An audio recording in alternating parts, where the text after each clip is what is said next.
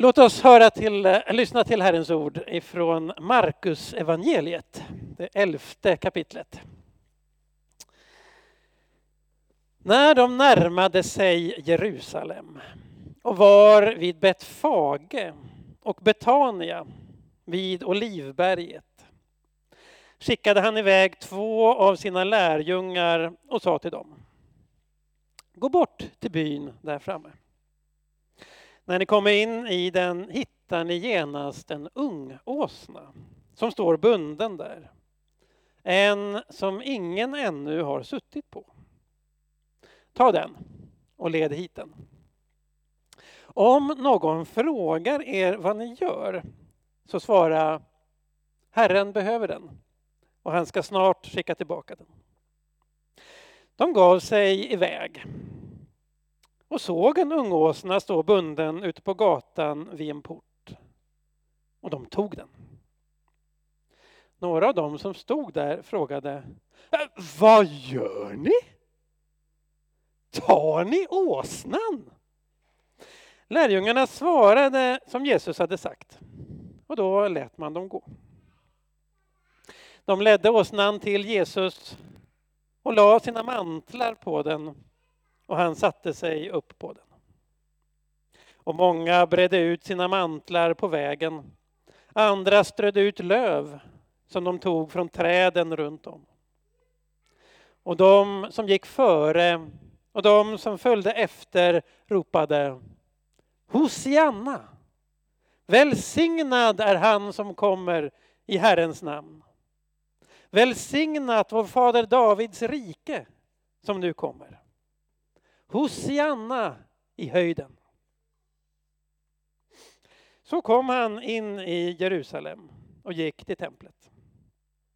Och när han hade sett på allt vände han tillbaka till Betania med de tolv eftersom det redan var sent. Herre Jesus Kristus, öppna ditt ord för oss så att vi kan förstå vad det är du vill säga till oss just den här förmiddagen.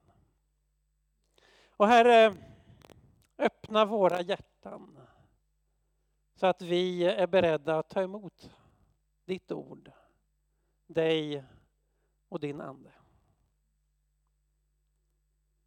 Hjälp oss ge dig chansen att förvandla våra liv. Amen.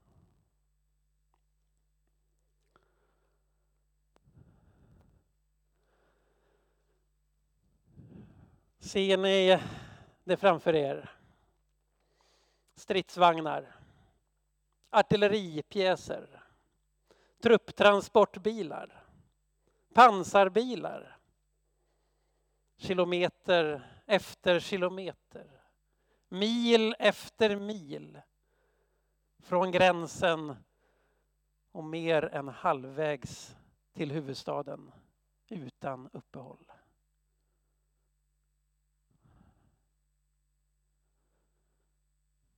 Ja, ni såg väl tv-bilderna, nyhetsbilderna.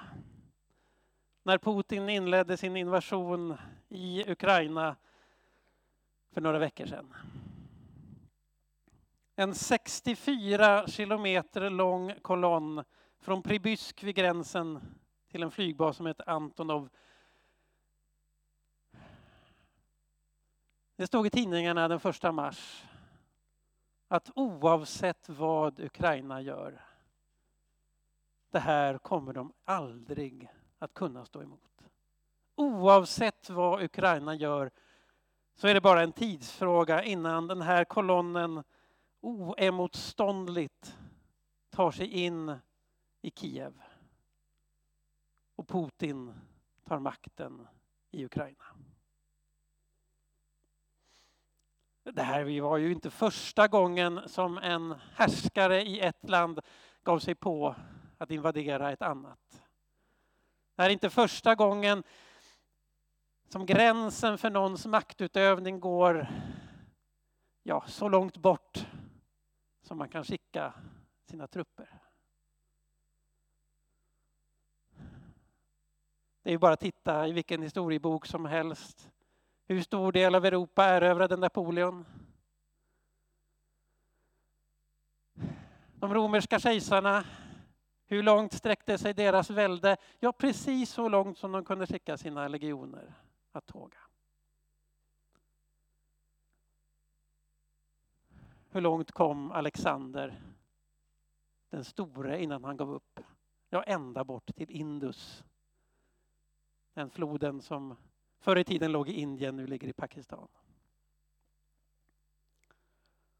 Så beter sig makten. Den tar våldet med sig och kräver att få utvidga sitt välde så långt det bara går.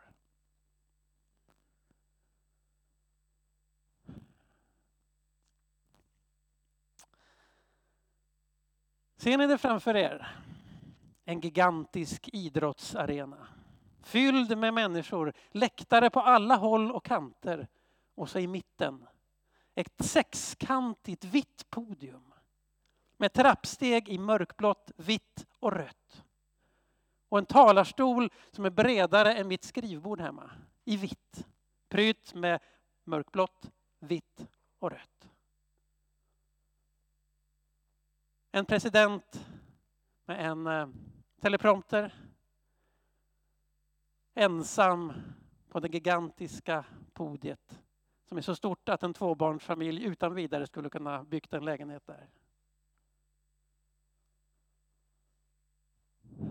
Och bakom honom en hel läktare fylld med volontärer.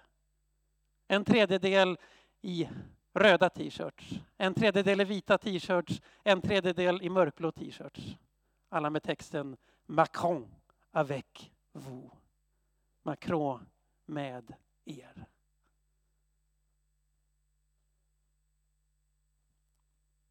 Och så en eh, samling på mer än en och en halv timme som framförallt handlar om att presidenten talar till åhörarna. Och inte bara till dem som är där naturligtvis, utan kameror är uppsatta över hela periferin som hela tiden riktar sig mot presidenten och visar den entusiastiska folkviljan bakom.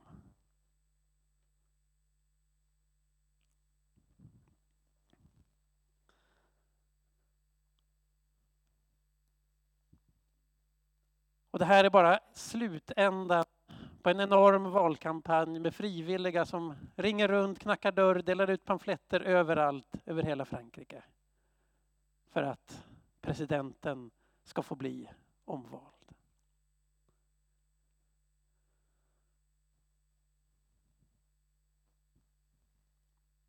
Här ser makten lite annorlunda ut. Därför att det ligger lite mer makt i vars och ens egna händer. Presidenten är beroende av att människorna i Frankrike faktiskt ska stoppa ett papper i en låda nu idag. Vallokalerna är öppna. För att välja vem av de olika kandidaterna ska få bli Frankrikes president. Den senaste opinionsundersökningen säger att favoriten Macron har 26 procent tvåan Le Pen 25. Det kommer att avgöras i en andra omgång om 14 dagar. Då säger opinionsundersökningarna att just nu har Macron 51 procent, Le Pen 49.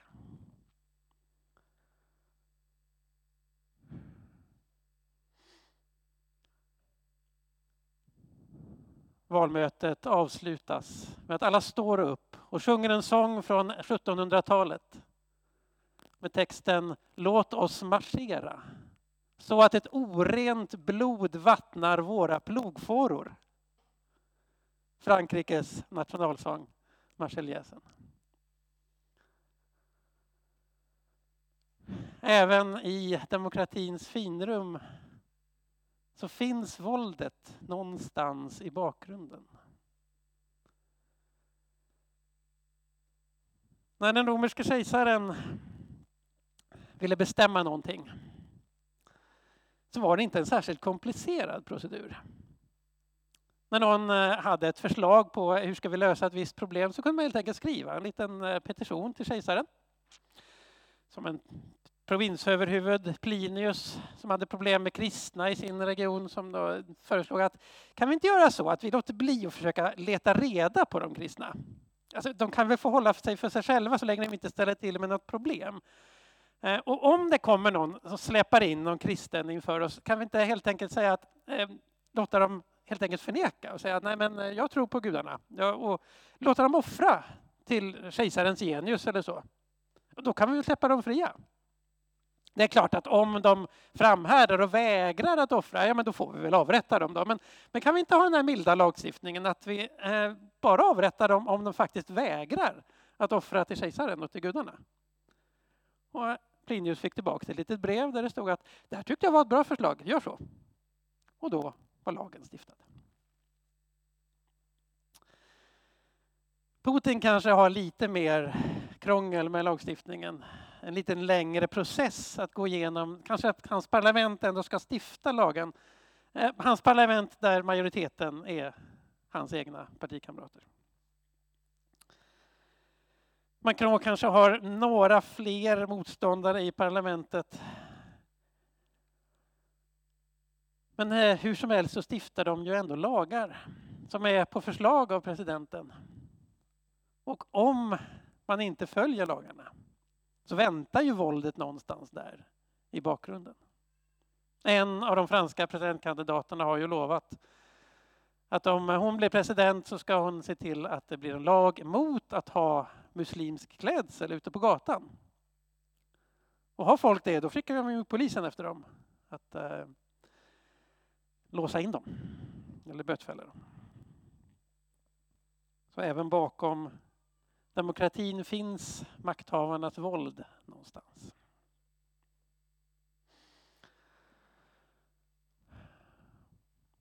Ser ni dem framför er?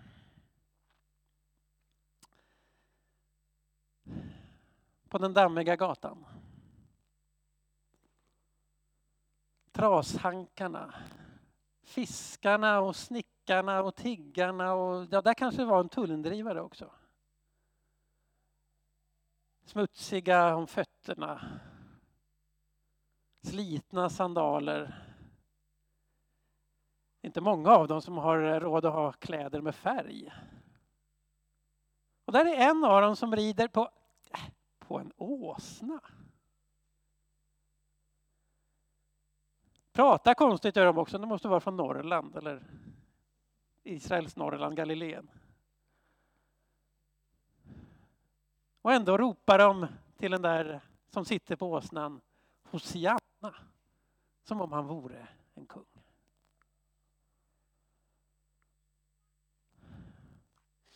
Tre intåg i Ukraina, i tv-apparaterna, i Jerusalem.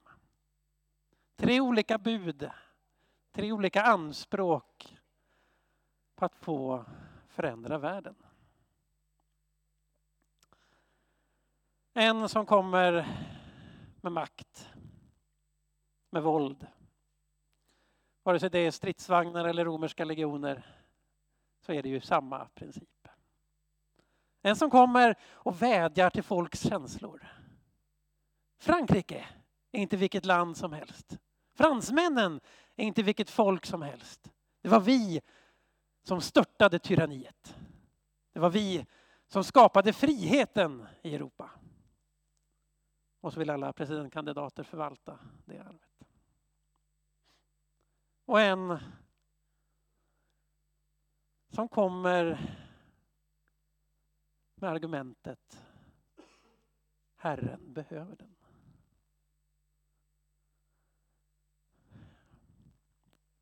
Jag vet inte hur många av er som har en chef på jobbet som kan säga åt er att göra saker. Men jag tror inte det är många av er som har en chef som kan säga åt er att gå in i byn och ta någons cykel eller bil eller moped eller vad det nu är för någonting. Och om någon frågar så säg bara att jag behöver den. Alltså hur många ställen skulle det funka på? Ja, men jag kommer från äh, chefen för äh, ICA Supermarket här i Alunda och vi behöver den där. Skulle det funka här i Alunda? Ja, jag kommer från Gimoverken och vi behöver den här prylen till vårt kontor i Gimo. Nej, det är inte många situationer där det skulle fungera, eller hur? Och ändå är det det enda argument som Jesus skickar med lärjungarna här. Gå och ta den här åsnan som det står där. Och om det är någon som ifrågasätter vad i hela fridens namn ni håller på med, så säg bara Herren behöver den. Man brukar prata om att vissa bibeltexter är lite mer och andra lite mindre realistiska, lite lättare att förstå att så här kan det ju verkligen ha varit. Och det som är svårt att förstå hur det kan ha varit så i den här berättelsen är ju inte att lärjungarna gjorde som Jesus sa, utan att de lät dem ta åsnan. Alltså hur många åsnor hade de? Det kanske var så att eh, ägaren av just den här åsnan hade 500 andra åsnor så att en mer eller mindre spelade inte så stor roll. Ehm, men ändå. De som har 500 av någonting brukar inte vara så benägna att släppa ifrån sig den sista bara för att någon kommer och säger Alltså min eh, mästare behöver den. Och egentligen är ju det här det bästa tänkbara argumentet. Om man förstår ordet, Herren, Hokyrios, vem är det? Ja, vi har, befinner oss i en judisk miljö där man sedan århundraden inte riktigt längre säger Guds namn utan man säger istället Adonai, Kyrios, Herren. Gud behöver den. Gud som har skapat inte bara den här åsnan utan också dig som brukar få använda den här åsnan. Men nu, just den här förmiddagen, just den här dagen, så behöver han den själv. Är det okej okay att han tar tillbaks den ett par timmar och sen kan han låna ut den till dig igen? Är det okej okay att han som har skapat åsnan och gett den till dig faktiskt kan få använda den en liten stund?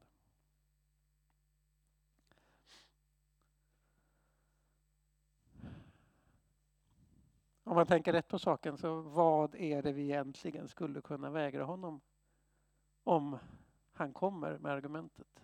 Om han förklarar, ja men den där behöver jag.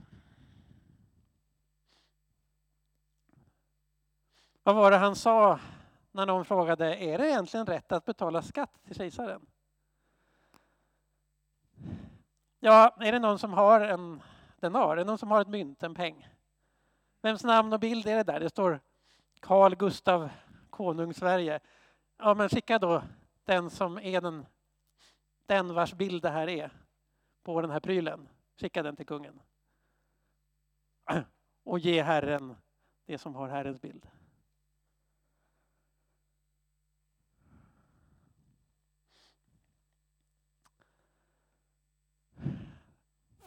Efter 2000 år av kristen historia är det väldigt lätt att glömma hur politiskt evangeliet är. Ta bara första raden i Markus evangeliet. Här börjar glädjebudet om Jesus Kristus, Guds son. Det låter väl politiskt? Det kanske ni inte tycker. Men ordet glädjebud. Var kan människorna vid den här tiden ha hört det någon gång innan? Ja, det handlar naturligtvis om glädjebudet att nu har August, Augustus tagit makten i Rom. Eller för den delen, nu har Galba tagit makten, nu har Otto tagit makten, nu har Vitellus tagit makten i Rom.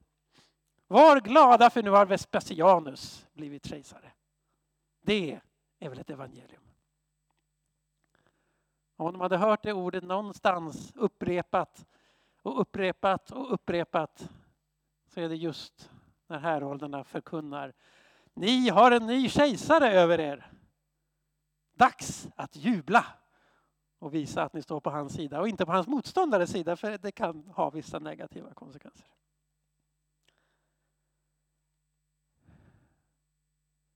Här börjar glädjebudet om Jesus Kristus, Guds son. Ja, men Guds son, det måste väl ändå vara något religiöst, teologiskt? Det kan väl inte vara politiskt? Vilka var det man pratade om som Guds son? Ja, Alexander den store till exempel. Han eh, hälsades överallt som son till Zeus, högkungen i det grekiska panteonet. Eller Augustus. Det gick rykten om det att eh, han var son till Apollon. Eh, och det var till och med någon som berättade om att de hade sett en orm Eh, smyga sig in under solen på hans mamma ungefär nio månader innan han föddes och tänkte att ja, men det måste ha varit Apollon som gjorde om sig. Kom till äh, äh, hans mamma i en orms skepnad och befruktade henne. Och därför är han rent fysiskt Apollons son. Olika tider har olika typer av politisk propaganda. Eh, det här var politisk propaganda på Augustus tid. Augustus hade också ett annat argument för att han var Guds son. Han var ju adoptivson till Julius själv. Julius Caesar eller Julius Kaisar. Som efter sin död förklarades av senaten vara gudomliggjord, upptagen bland gudarna. Inte som den högste, men som den lägste av gudarna.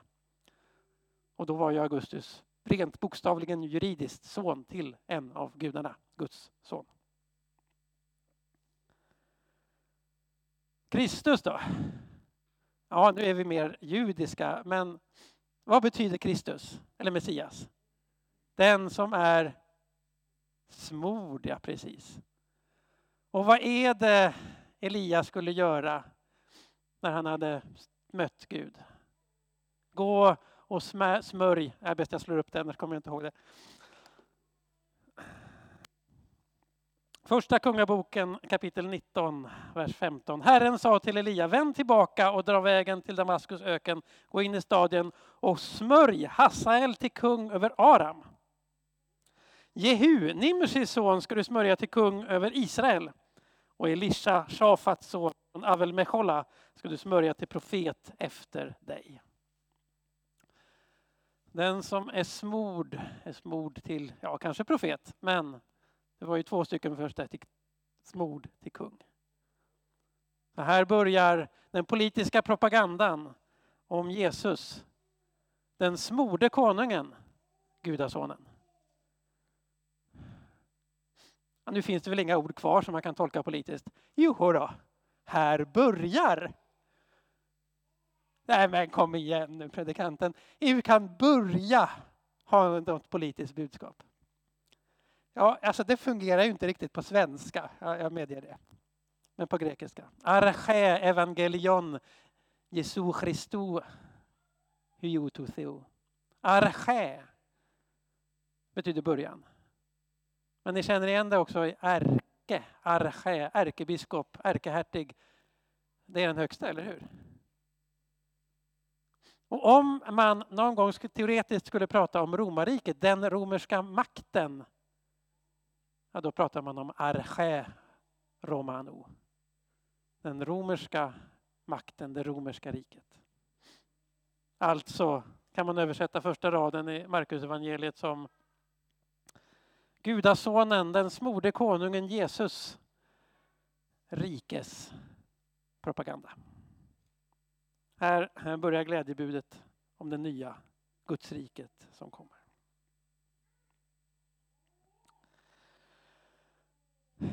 Om kejsarens eller Putins rike sträcker sig precis så långt som han kan skicka sina legioner, sina stridsvagnar och inte behöver vända tillbaka efter ett par dagar. Och om eh, Macrons eller Le Pens då, rike sträcker sig så långt som Frankrikes lagar gäller. Hur långt sträcker sig då Guds rike? Kan vi hitta ett territorium där man eh, behöver visa pass för att komma in i Guds rike? Nej, det kan vi nog inte. För Guds rike sträcker sig precis så långt som du släpper in Jesus. Och inte bara du, utan alla andra människor också. Precis så långt som vi människor strävar efter att följa Guds vilja. För Jesus har inga andra maktmedel att ta till än Herren behöver den.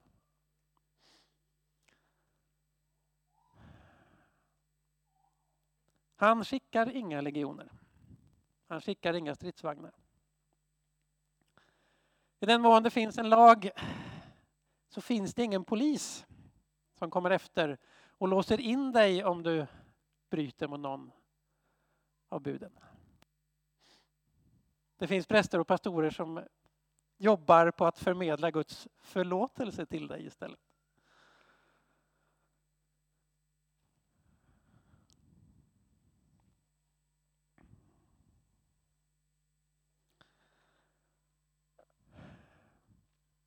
Vi eh, kristna har genom världshistorien tappat bort det där några gånger.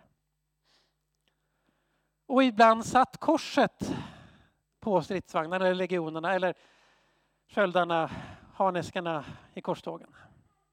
Ni kommer ihåg de där, de som slutade med att eh, man plundrade Konstantinopel där det bodde andra kristna som såg lite annorlunda ut än de man var van vid och pratade lite annat språk. Eller det där korståget som slutade med att eh, eh, några druckna riddare sprang tvärs igenom Akko med svärdet i eh, högsta hugg och högg ner alla människor som hade skägg. Därför att de måste ju vara muslimer, eller hur? Det var många ortodox kristna som fick sätta livet till den dagen. Eller den, de gånger vi har försökt sätta lagar kring Guds rike och skicka polisen efter dem som inte följer de lagar vi har kodifierat för att förverkliga Guds vilja. Som i Genève på 1500-talet när alla musikinstrument var förbjudna i hundra år.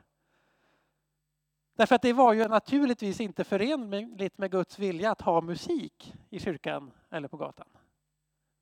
Och ska vi förverkliga Guds rike i vår stad så måste vi låsa in alla som försöker spela musik. Eller bötfälla dem. Att man också förbjöd de böcker som hade fel åsikter var mer normalt för den här tiden. hur ser då Guds rike ut där det verkligen förverkligas? Ja, vi kan väl följa med Johannes till Lukas kapitel 7, 18-22. Där han är lite tveksam. Och skickar några lärjungar till Jesus och frågar, alltså är det dig vi skulle vänta på? Eller ska vi vänta på någon annan? Jesus, är du Kristus eller är du bara en i raden av profeter? Och Jesus svarar, ja men gå tillbaka till Johannes och säg vad ni ser här. Ser ni blinda som har fått tillbaka sin syn? Lama som har börjat gå? Döva som har börjat höra? Döda som har stått upp? Spetälska som har blivit rena, rena? Och fattiga som har fått ett glädjebud? Ja, det sammanfattar ju Guds rike ganska väl. När de som är spetälska, de som ingen människa riktigt vill ha att göra med. När det finns en gemenskap där de är lika välkomna som de som sätter kavaj på sig på morgonen.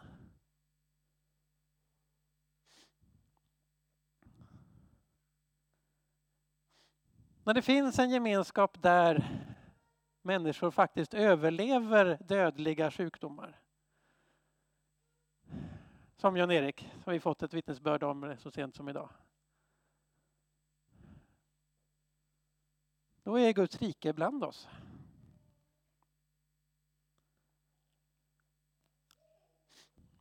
Och när fattiga får ett glädjebud.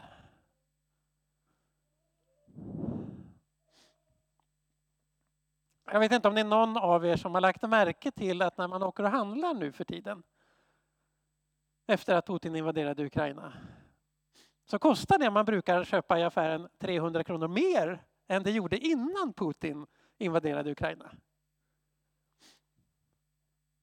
Och det är ju inte direkt konstigt om man invaderar Sverige, eh, Europas största jordbruksnation att priset på vete går upp en smula.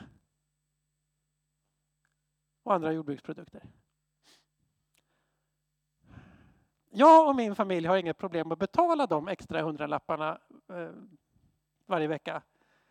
För att vi har de marginalerna. Egyptens fattiga har mycket, mycket svårare. Också därför att Egypten importerade väldigt mycket vete från Ukraina som nu inte kommer fram. Som nu inte går att köpa.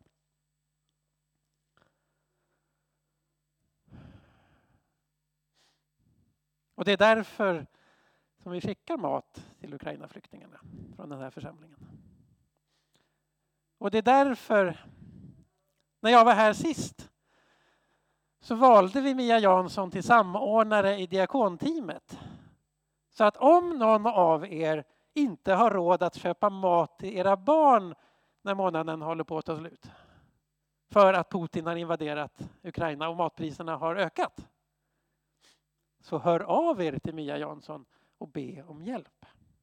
Och tvärtom, om ni som är i den här situationen att ni betalar de där extra pengarna som Putin har höjt matpriserna med. Och ni vet att jag har råd att köpa en, göra en storhandling till den här månaden. Och det kommer jag inte behöva göra för jag får lön snart. Om du är i den situationen så hör av dig till Mia Jansson och säg att om du får kontakt med någon familj i trakten som behöver en extra storhandling så kan jag åka och handla det åt dem.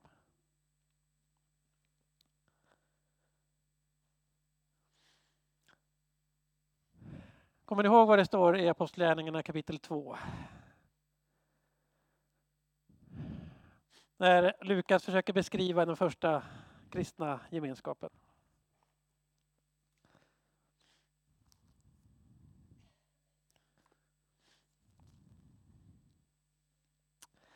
De deltog troget, eh, kapitel 2, vers 42. De deltog troget i apostlarnas undervisning och den inbördes hjälpen, i brödbrytandet och bönerna. Alla människor bävade, många under och tecken gjordes genom apostlarna. De troende fortsatte att samlas och hade allting gemensamt. De sålde allt vad de ägde och hade och delade ut åt alla, efter vars och ens behov. De höll samman och möttes varje dag troget i templet. Och i hemmen bröt de brödet och höll måltid med varandra i jublande uppriktig glädje.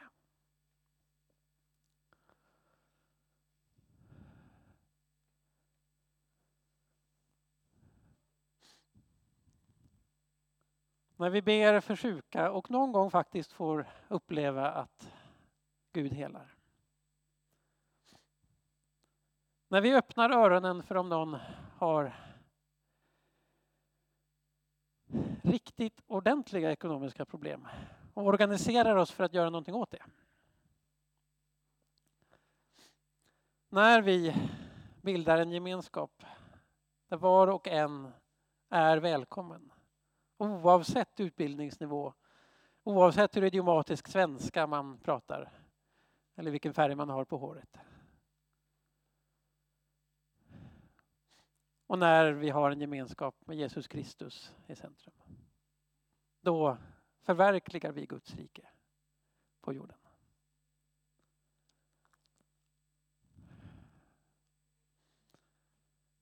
Och precis som vi hörde i vittnesbördet så handlar det om att plocka upp det där lilla korset.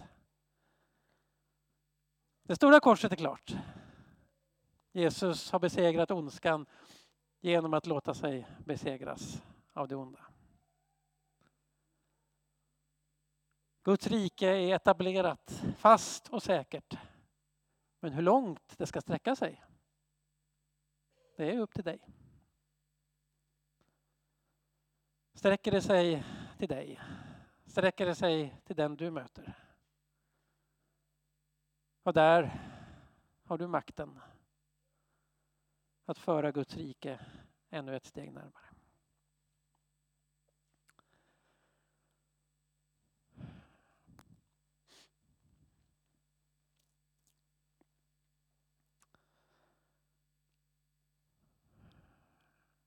Du eh, som vill bli eh, medborgare i Guds rike. Du som ännu inte har tagit emot Jesus i ditt hjärta är välkommen att göra det idag. Att eh, avvisa Putins och de andras arméer. Men välkomna den enkle fattige som kommer ridande på en åsna in i ditt hjärta. Jag lovar, han är beredd att förlåta alla dina synder och ge dig en plats i hans rike, ett uppdrag att föra det ännu ett steg längre. Du som har ett behov av någonting, helande, du som bär på en oro, du som har ångest, välkommen fram till korset och låt oss be för dig. Låt oss lägga fram ditt behov för den som har skapat hela världen och kan göra någonting åt det. Och du som känner att trots att du varit kristen i hundra år så finns det fortfarande någon liten del av ditt liv som du tjuvhåller på. Som du tänkt att det här ska jag hålla för mig själv. Det här ska jag inte låta Jesus ha något inflytande över. Det kan hända att Jesus säger i ditt hjärta nu att Herren behöver den. Då är du välkommen fram till korset för att lämna även den delen av ditt liv i Jesu händer. Låt oss be, låt oss lovsjunga och välkomna fram. Herre Jesus Kristus, du som har skapat oss till dina avbilder. Hjälp oss att vara ditt ljus i världen. Du som älskar oss mer än någon människa någonsin kommer att göra. Ta våra hjärtan i besittning. Rena oss från alla våra synder och framförallt från synden att inte lita på dig. Gör oss redo att tjäna dig i de situationer vi befinner oss i. De veckor och dagar som kommer.